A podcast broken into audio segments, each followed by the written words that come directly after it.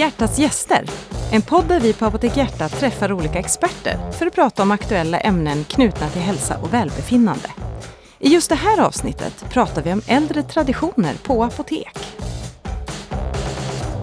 Hjärtats gäster med Annika Svedberg, chefsapotekare på Apotek Hjärtat och Bo Olsson, apotekare och vice ordförande i Apotekarsocietetens sektion för farmaci och läkemedelshistoria. Ja, för ungefär tio år sedan så gick vi från ett apoteksföretag till flera apotekskedjor på marknaden.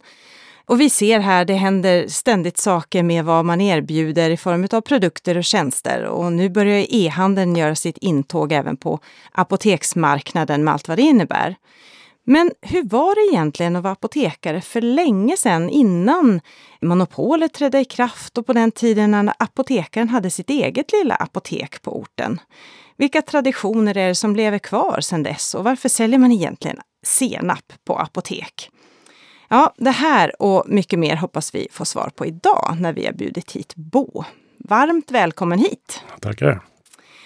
Skulle du vilja berätta lite grann om vem du är och vad som gjorde att du blev intresserad av farmaci och läkemedelshistoria? För det antar jag att du är.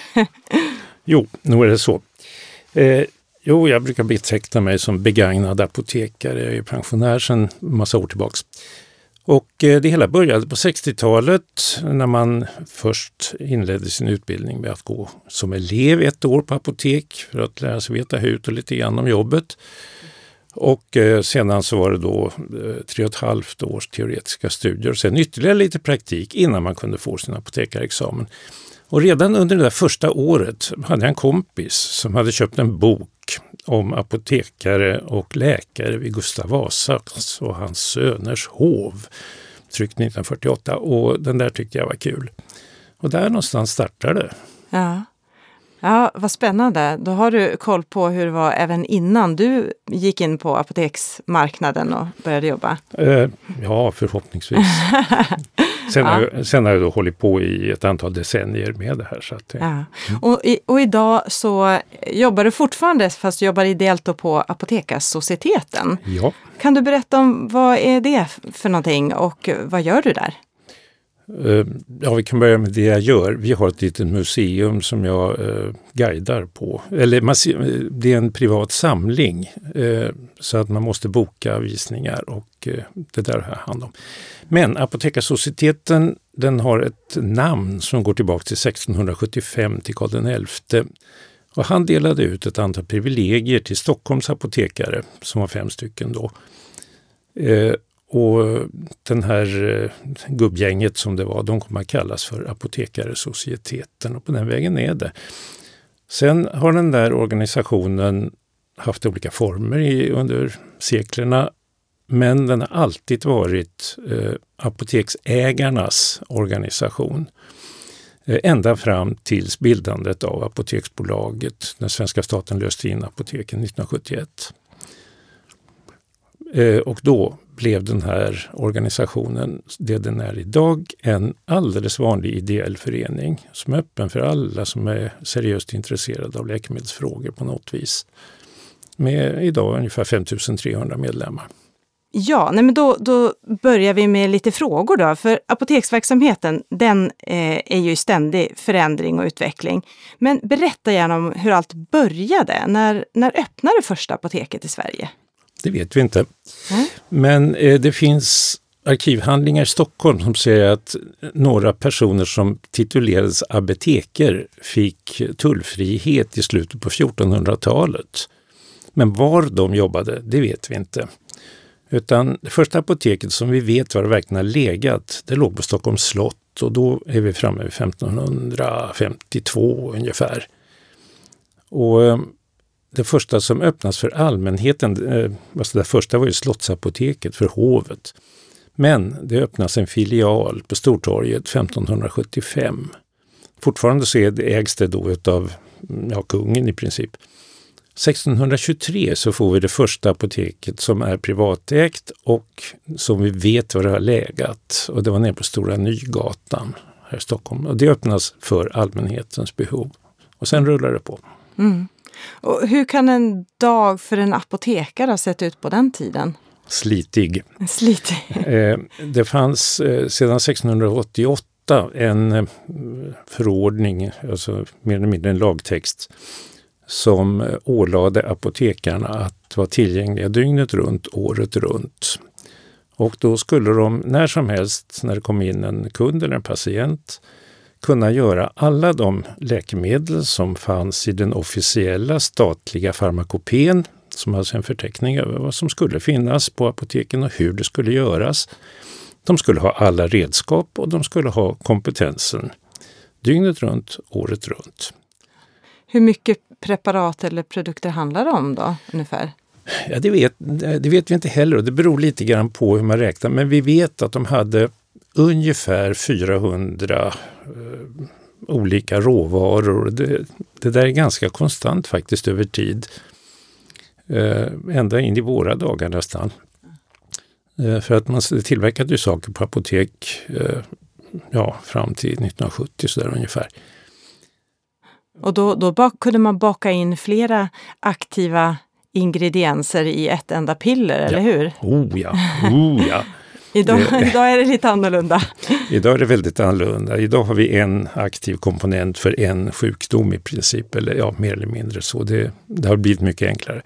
Men eh, det som kallas för polyfarmaci, alltså farmaci, läkemedelslära med väldigt många ingredienser, det var standard under ja, långt in på 1800-talet i alla fall. Ja.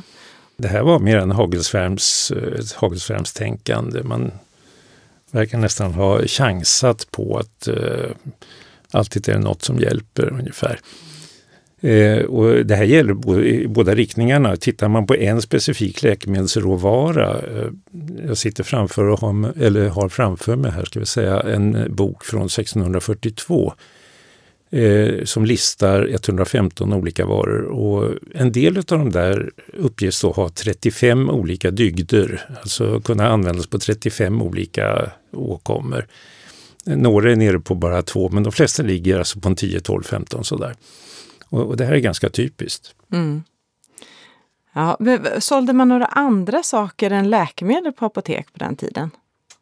Eh, ja, det får man väl säga därför att eh, mycket av det vi betraktar som kryddor och kanske i viss mån snask idag ingick i läkemedlen och de här såldes ju som sådana också.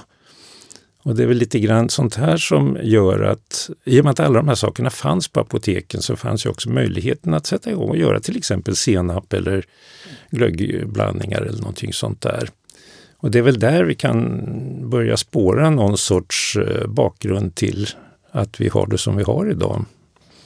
Ja, med det som säljs runt jul på apoteken. Ja. Just det. Men då öppnade alltså några få apotek där på 1500-talet. Men när, hur många blev de till slut? När vi då sen gick över i att staten tog över och bildade Apoteksbolaget. Hur många enskilda apotek fanns det då? Då pratar vi alltså om för ungefär 50 år sedan. Det handlade om cirka 900. Ungefär 900 och som ägdes då vart och ett av apoteken vart, av Vart och ett ägdes av en privatperson, ja, och var en fristående ekonomisk enhet. Eh, Apotekarsocieteten fungerade då ungefär som centralföretaget i en franchisekedja med väldigt mycket support på ekonomi och lagstiftning och utrustning och allt möjligt sånt där. Mm. Planering. Men fortfarande så gjorde man mycket egna läkemedel på ja, varje apotek? Eh, när jag var elev, vilket alltså var 62-63, då var ungefär en femtedel av alla som recept som kom in, där var det någon bit av hantverk som vi skulle göra på apoteket. Det där är nere i någon enstaka procent nu för tiden och det görs inte på varje apotek utan det är centraliserat. Uh Rätt mycket görs på en del sjukhusapotek också. Just det. Men sen så småningom då, för eh, eh det här var ju då i slutet av 60-talet, så bestämde man sig för att gå ifrån det här sättet att driva apotek och istället bildades det statliga Apoteksbolaget. Kan du berätta lite grann om vad som hände då? Ja, alltså först och främst så ska man ju se det här i dåtidens politiska eh, klimat. Allting var ju utsatt för diskussioner om förstatligande bankväsende och läkemedelstillverkning och tjolahopp tjolahej. Eh, inklusive apoteken. Och eh, Det hade visserligen utretts flera gånger tidigare under 1900-talet om man skulle förstatliga apoteken och i så fall hur. Men eh, 1969 så kom en eh, enmansutredare som heter Rune Lönngren med en utredning Läkemedelsförsörjning i samverkan.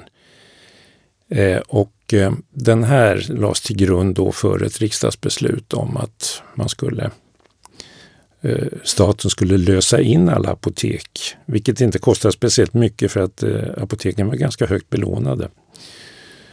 Eh, och det här tog man alltså hand om och bildade Apoteksbolaget AB. Mm. Mm. Och för, hur förändrades verksamheten då för en, en apotekare som tidigare hade drivit sitt eget apotek under den här perioden? Eh, ja, många av eh, de tidigare apoteksinnehavarna de blev chefer för sina gamla apotek. De blev alltså anställda med eh, bitvis får man nog tro ganska mycket angenämare arbetsförhållanden, till exempel lagstadgad semester och alla möjliga sådana där saker. Säkerställd lön. Och, och, för det var ju tidigare beroende då av hur apoteket gick och man fick tag i vikarier och allt möjligt sånt. Mm. Så att det underlättade väl en del. Men eh, det var naturligtvis många som saknade den frihet de hade haft som egna företagare. Mm. Ja. Eh, både under Apoteksbolagets tid men också innan dess vad jag förstår så var det ju väldigt många apotek som hette något djurnamn. Apotek Lejonet och Apotek Ormen och så vidare, Korpen. Eh, och än idag lever det ju kvar på vissa av apoteken. Men hur kommer det sig egentligen? Det vet vi inte. Det vet vi inte. Eh, det vi vet är att eh, det här första apoteket som öppnade för allmänheten då, 1623, det hette Markattan. Aha. Redan då. Och sitter man sedan och tittar på eh, Kungliga kansliets handlingar där det redogörs för hur det ska öppnas ett nytt apotek var och så där. Och så avslutas det ofta med någonting av typ och dess namn ska vara älgen. Och vi vet inte varför. Eh, det här är ganska unikt för Sverige. Eh, apotek behövde ju egentligen inte ha namn om det var ett enda apotek på orten. För att alla visste var apoteket var och sådär. Men fanns det två apotek då behövde de namn. Och eh, jag tittade igenom det här för 15 år sedan ungefär vad apotek hette. Och det vanligaste det var Kronan kan jag återkomma till det. Och det var sen. inget djurnamn det. nej, det var, nej, det var kronan. Nej, ja. precis. Eh, de vanligaste djurnamnen det var lejonet och svanen. Eh, och sen, så, men sen fanns det alla möjliga kräk, av mm. stora som små. Alltså här i Stockholm hade vi väldigt mycket småfåglar ett tag här på 50, 60, 70-talen. Men eh, eh, ofta så tog man upp då något heraldiska, heraldiskt, alltså det kunde vara landskapsvapnet, vi har laxen i Boden till exempel. Och sen fanns det ju sådana här fabeldjur då, som enhörningen, det har vi haft två stycken, en i Göteborg och en i Stockholm. Och vi har eh, fenixar. Fen, fågeln Fenix var ju en symbol för det uppståndelsen och evigt liv och sånt. Och, så det var ju ett lämpligt men kronan då, vad, vad kom det sig av? Eh, alltså den nuvarande apotekskedjan Kronan startar ju i en grosshandel, en läkemedelsgrosshandel i Göteborg alltså, som heter Kronans droghandel. Men den i sin tur startar på ett Kronan apotek eh, 1907 tror jag det är, någonting i den stilen. Och där har man ju behållit, eh, som sagt var, den biten. Man är fortfarande kronor. Mm. Men det, de här som tillhörde hovet och slottet, hette de något särskilt? Nej. Utan det, det ja, okej. Okay. Det här som flyttade ut eh, ifrån 1575 ifrån Stockholms slott kom så småningom att bli ett lejon, mm. ett lejonapotek. Men eh, från början så behövde det inte heta något. Nej. Men det var Markattan som först alltså? Det kanske var den apotekaren som döpte det som någonstans satte traditionen från början? Ja, eller också så fick han order att uh, det skulle vara Markatta. Vi vet, ja. vi vet alltså inte det. Nej. Intressant. Jag trodde att det fanns någon historia bakom att det blev som det blev. Ja, ja. det finns massor med hypoteser. Ja, okay. Men uh, ingenting som är riktigt säkert. Mm.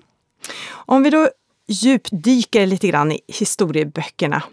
Eh, vilka traditioner som inte kanske är självklara när det gäller produkter som säljs på apotek lever kvar sedan sen långt tillbaka?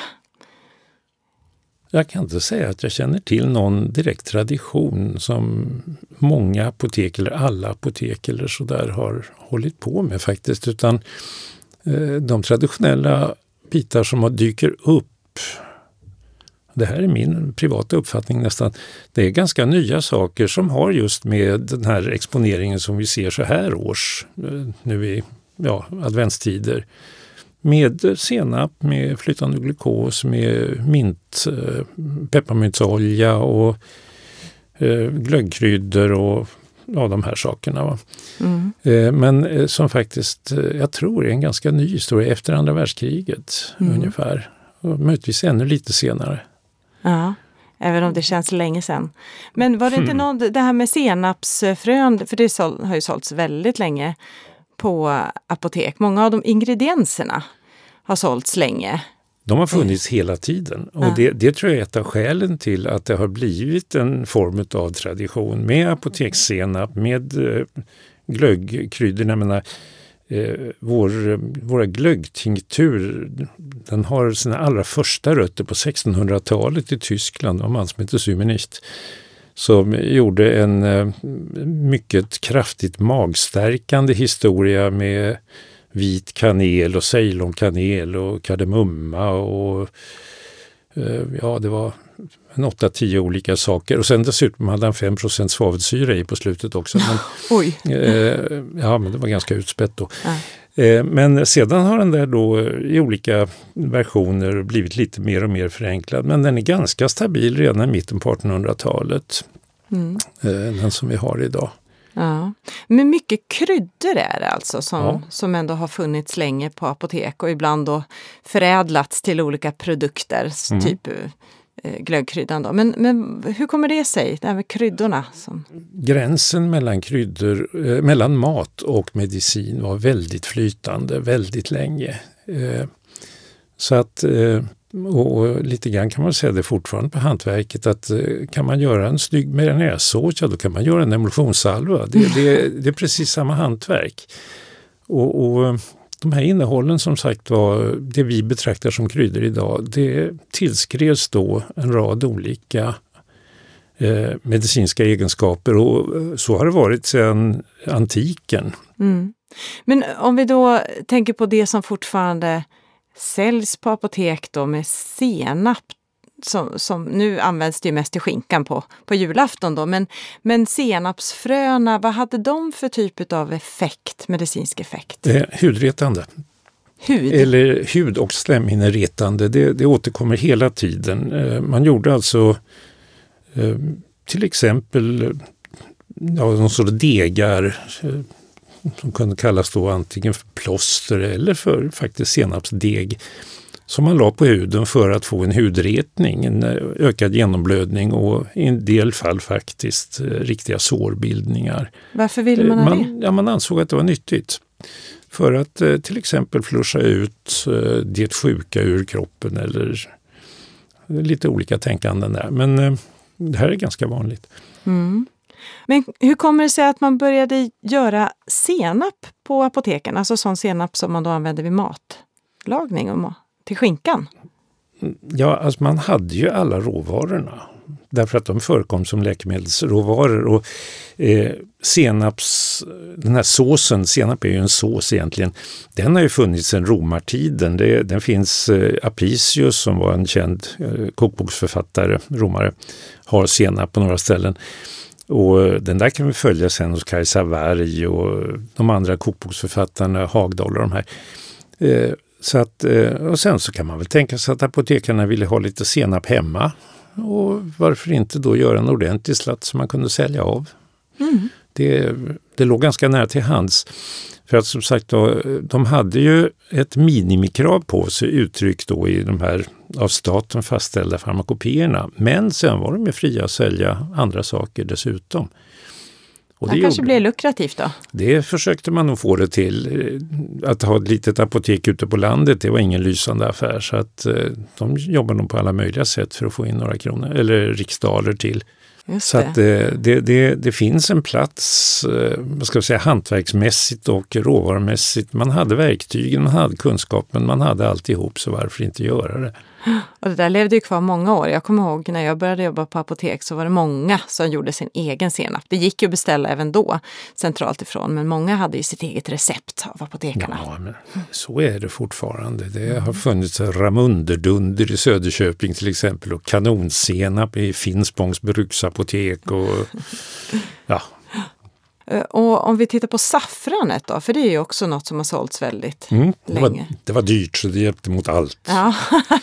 jo, nej men det, det, är faktiskt så att i, i, eh, man kan se sjukdomar som man inte kunde göra någonting åt, pest till exempel, riktig, alltså äkta pest. Där tar man till precis vad som helst. Det är inte bara saffran utan det är guld, och det är krossade pärlor, krossade ädelstenar och eh, ja, naturligtvis saffran och mysk och ambra och det dyraste som fanns. Ingenting hjälper givetvis. Men eh, sedan har vi ju saffrans gula färg som man då sa att, eller tänkte sig att då hjälper den mot gulsot. Det hittar vi. Och sedan så förekommer den i en del, ja, till exempel gynekologiska beredningar också. Och, eh, den har tillskrivs överhuvudtaget. Och det är inte bara i vår kultur utan även vi ser det i eh, en del eh, orientaliska kulturer också.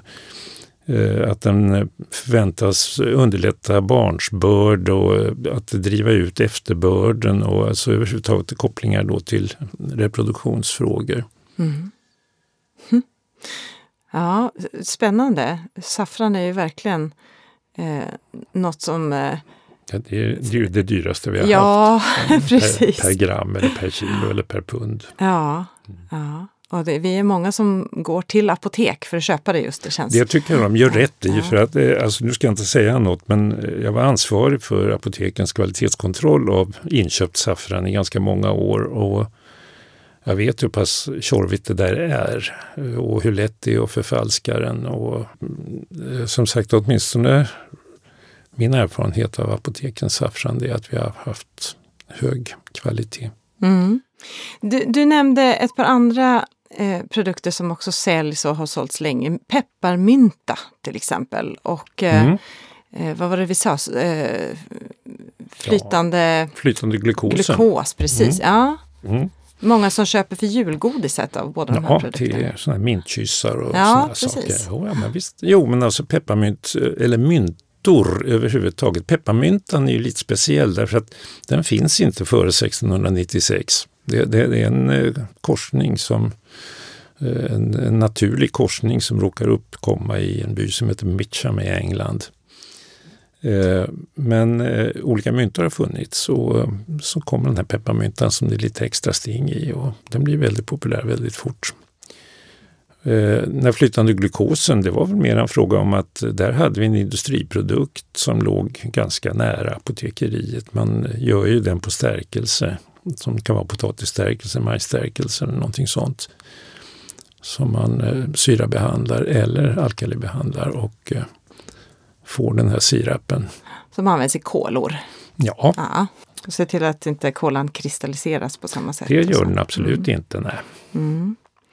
Aromatisk tinktur har vi ju pratat om också, men jag antar att man tänkte att just den här blandningen som vi då använder för att göra glögg skulle ha någon särskild effekt. Ja, det vet man inte. Alltså det, som jag sa, den startar egentligen som en mag, magmedicin. Men samtidigt om man nu försöker tänka tillbaks till tankemodellerna med fyrsaftlära och sånt där som de gamla grekerna tänkte då är den en ganska naturlig hostmedicin faktiskt. Så att, eh, eller en antisnormedicin snarare. Okay. Så är man lite förkyld där runt jul så ska man dricka Precis, glögg. Alltså, när det börjar bli dags för lite höstförkylningar då är det läge för en liten glögg här. Ja, jag tycker det låter som en trevlig hostmedicin. Ja. Du, någonting annat som också säljs på, på apoteken är ju lakrits i olika former. Det kommer jag ihåg när jag började jobba på apotek så sålde vi lakritsstång. Men lakrits, vad, vad har det för egenskaper? Och... Ja, eh, inför det här så tog jag och skrev ut en liten bit ur en innehållsförteckning i en läkarbok från 1578 skriven av en man som heter Bengt Olsson egentligen, men på latin då Benedictus Olai, det låter tjusigare. Mm. Och det blir en hel A4-sida med eh, lakrits stavat på nio olika sätt för alla möjliga saker. Och det kan, mycket av det handlar om hosta, men vi har även böld eller svullna i halsen. Vi har eh, lite syfilis på ett ställe här. Vi har eh, eh lite malaria också faktiskt, verkar det som. Nu hör det till saken att den här mannen han skrev av tyska och italienska böcker så att det inte alls säkert att det här var tillämpligt i Sverige. Nej, han kanske inte kunde tyska och italienska. Eh, jo, jo oh ja, han, eh, och gulsot också förresten. Ja. Eh, jo, nej, han eh, kuskade runt nere i Europa i över tio år och lärde sig saker och sen tog han hem den här kunskapen till Sverige oavsett om det gick eller inte. Va? Ja. Eh, vi har lite njursten här också förresten. Och, ja. Men idag vet vi ju mer om vad faktiskt lakrits har för medicinska egenskaper. Jo då. Eh, den har väl en viss eh, faktiskt slemlösande effekt. Det som är eh, lite marigt med lakrits är att man ska inte äta för mycket för att då får man problem med kalium-natriumbalansen. Det, det finns folk som har käkat i sig då kilovis med svart lakrits och blivit rejält dåliga utav det. Det ska man se upp med. Sen är det en sak med lakritsstängerna också, alltså själva lakritsroten. Det är att eh, den är ganska allergen så att jag personligen kan inte vara i närheten av en sån där. Jag blev allergisk under min elevtid mm -hmm. mot lakrits. Eh, det är nog ganska ovanligt. Alltså det, jag tror att man, det kräver en ganska intensiv kontakt men den är inte helt oskyldig. Nej. Så man ska hålla sig till måttliga mängder lakrits kan vi konstatera av flera skäl. Då är det bra att hålla sig till någon som är riktigt god som man kan ta lite grann av bara. Påverkar ju blodtrycket också. Ja det gör ju det, mm. men det är, det är en följd av den här ja. kalium, eh, kaliumpåverkan. Kalium mm. Mm, precis. Ja, eh, vet du vad jag kommer ihåg när jag var liten? Då gick vi på apotek ibland och så köpte vi bröstsocker socker. Mm. Det var mhm. alltså sockerkristaller, lite rosaaktiga, genomskinliga som, som socker, fanns ja. på, på ett, en tråd. Mm. Var min lillebrors favorit, skulle ja. han ha. Ja. Bröstsocker, det låter som att det var något eh, lite grann för för hosta eller? Nej, det var det inte. Det var tvärtom ganska orent socker, alltså ja, kristalliserat råsocker. Ja i stora kristaller. Och det var inte så att det hävdades ha någon typ av effekt utan nej, det var mer som ett godis? Det var bara snask. Bara snask. ja. Men candysockret det, det förekommer alltså väldigt tidigt, redan på 1500-talet och då var det ju oerhört exklusivt. Ja. Eh, det man möjligen sötade med då det var ju honung. Ja. Så att eh, rent socker, vitaste socker som dyker upp, eh, det, det, man säger verkligen att det ska vara vitaste socker, albissimum på 1700-talet. Det, är oerhört lyxigt. Ja. Idag är det det vi är vana vid. Jo, ja. det, är bland, det, är faktiskt ett av de renaste livsmedlen vi har. Den är, det är 99,90 många procent alltså. Det är ja. helt otroligt. Ja. Ja, ska vi avsluta med att du själv får avslöja vad du har för jultraditioner hemma? Är det så att du gör din egen glögg och senap till exempel? Nej, ja, glöggen gör jag. Ja. Det, jag har ett, eh, ja numera har jag fått modifiera receptet. Jag arbetar på laboratorium förut och där hade vi, vi knyckte ju en del laboratoriesprit, det ska väl erkännas. Det är preskriberat, preskriberat ja. det är preskriberat vid det här laget. Men eh, jag hade en äldre kollega där som eh, hade ett mycket trevligt recept som jag har fortsatt att göra. Jag har räknat om det där nu så att eh, det är väl ja, med de saker som man kan köpa legalt, alltså på Systembolaget och i en livsmedelsaffär. Och så att eh, den, den gör jag fortfarande, en slurk. Och det som är nytt där är att jag har en, eh, jag har en anhörig som är multiallergisk och han får alltså en steviasötad slurk av den här. Den blir förvånansvärt bra. Jag trodde inte det skulle gå så bra som den gör. Men Sen eh, under en rätt lång period så gjorde jag 40 kilo senap per år också. Till, 40 kilo? Ja, alltså vi, som vi delade ut till arbetskamrater och till eh, en studentkår i Uppsala. Som, som sålde den där och sen så gav de pengarna som de fick in då till välgörande ändamål. Så det kändes bra. Men det gör du inte längre? Nej. Nej. Nu går du och köper på något apotek? Ja, hoppas det får, jag. Det får, jo, jo, ja, det gör jag givetvis. Ja, nej, men det brukar ju finnas eh, årets smak där också. Ibland är den riktigt mm. bra och ibland är den mindre bra.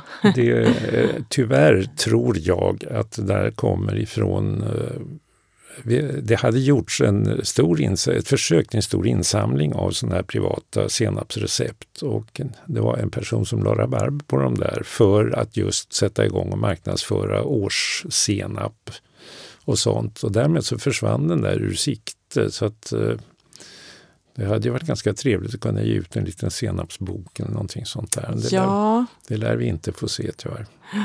Ja, vem vet en dag framöver kanske det, det hittas en massa recept någonstans.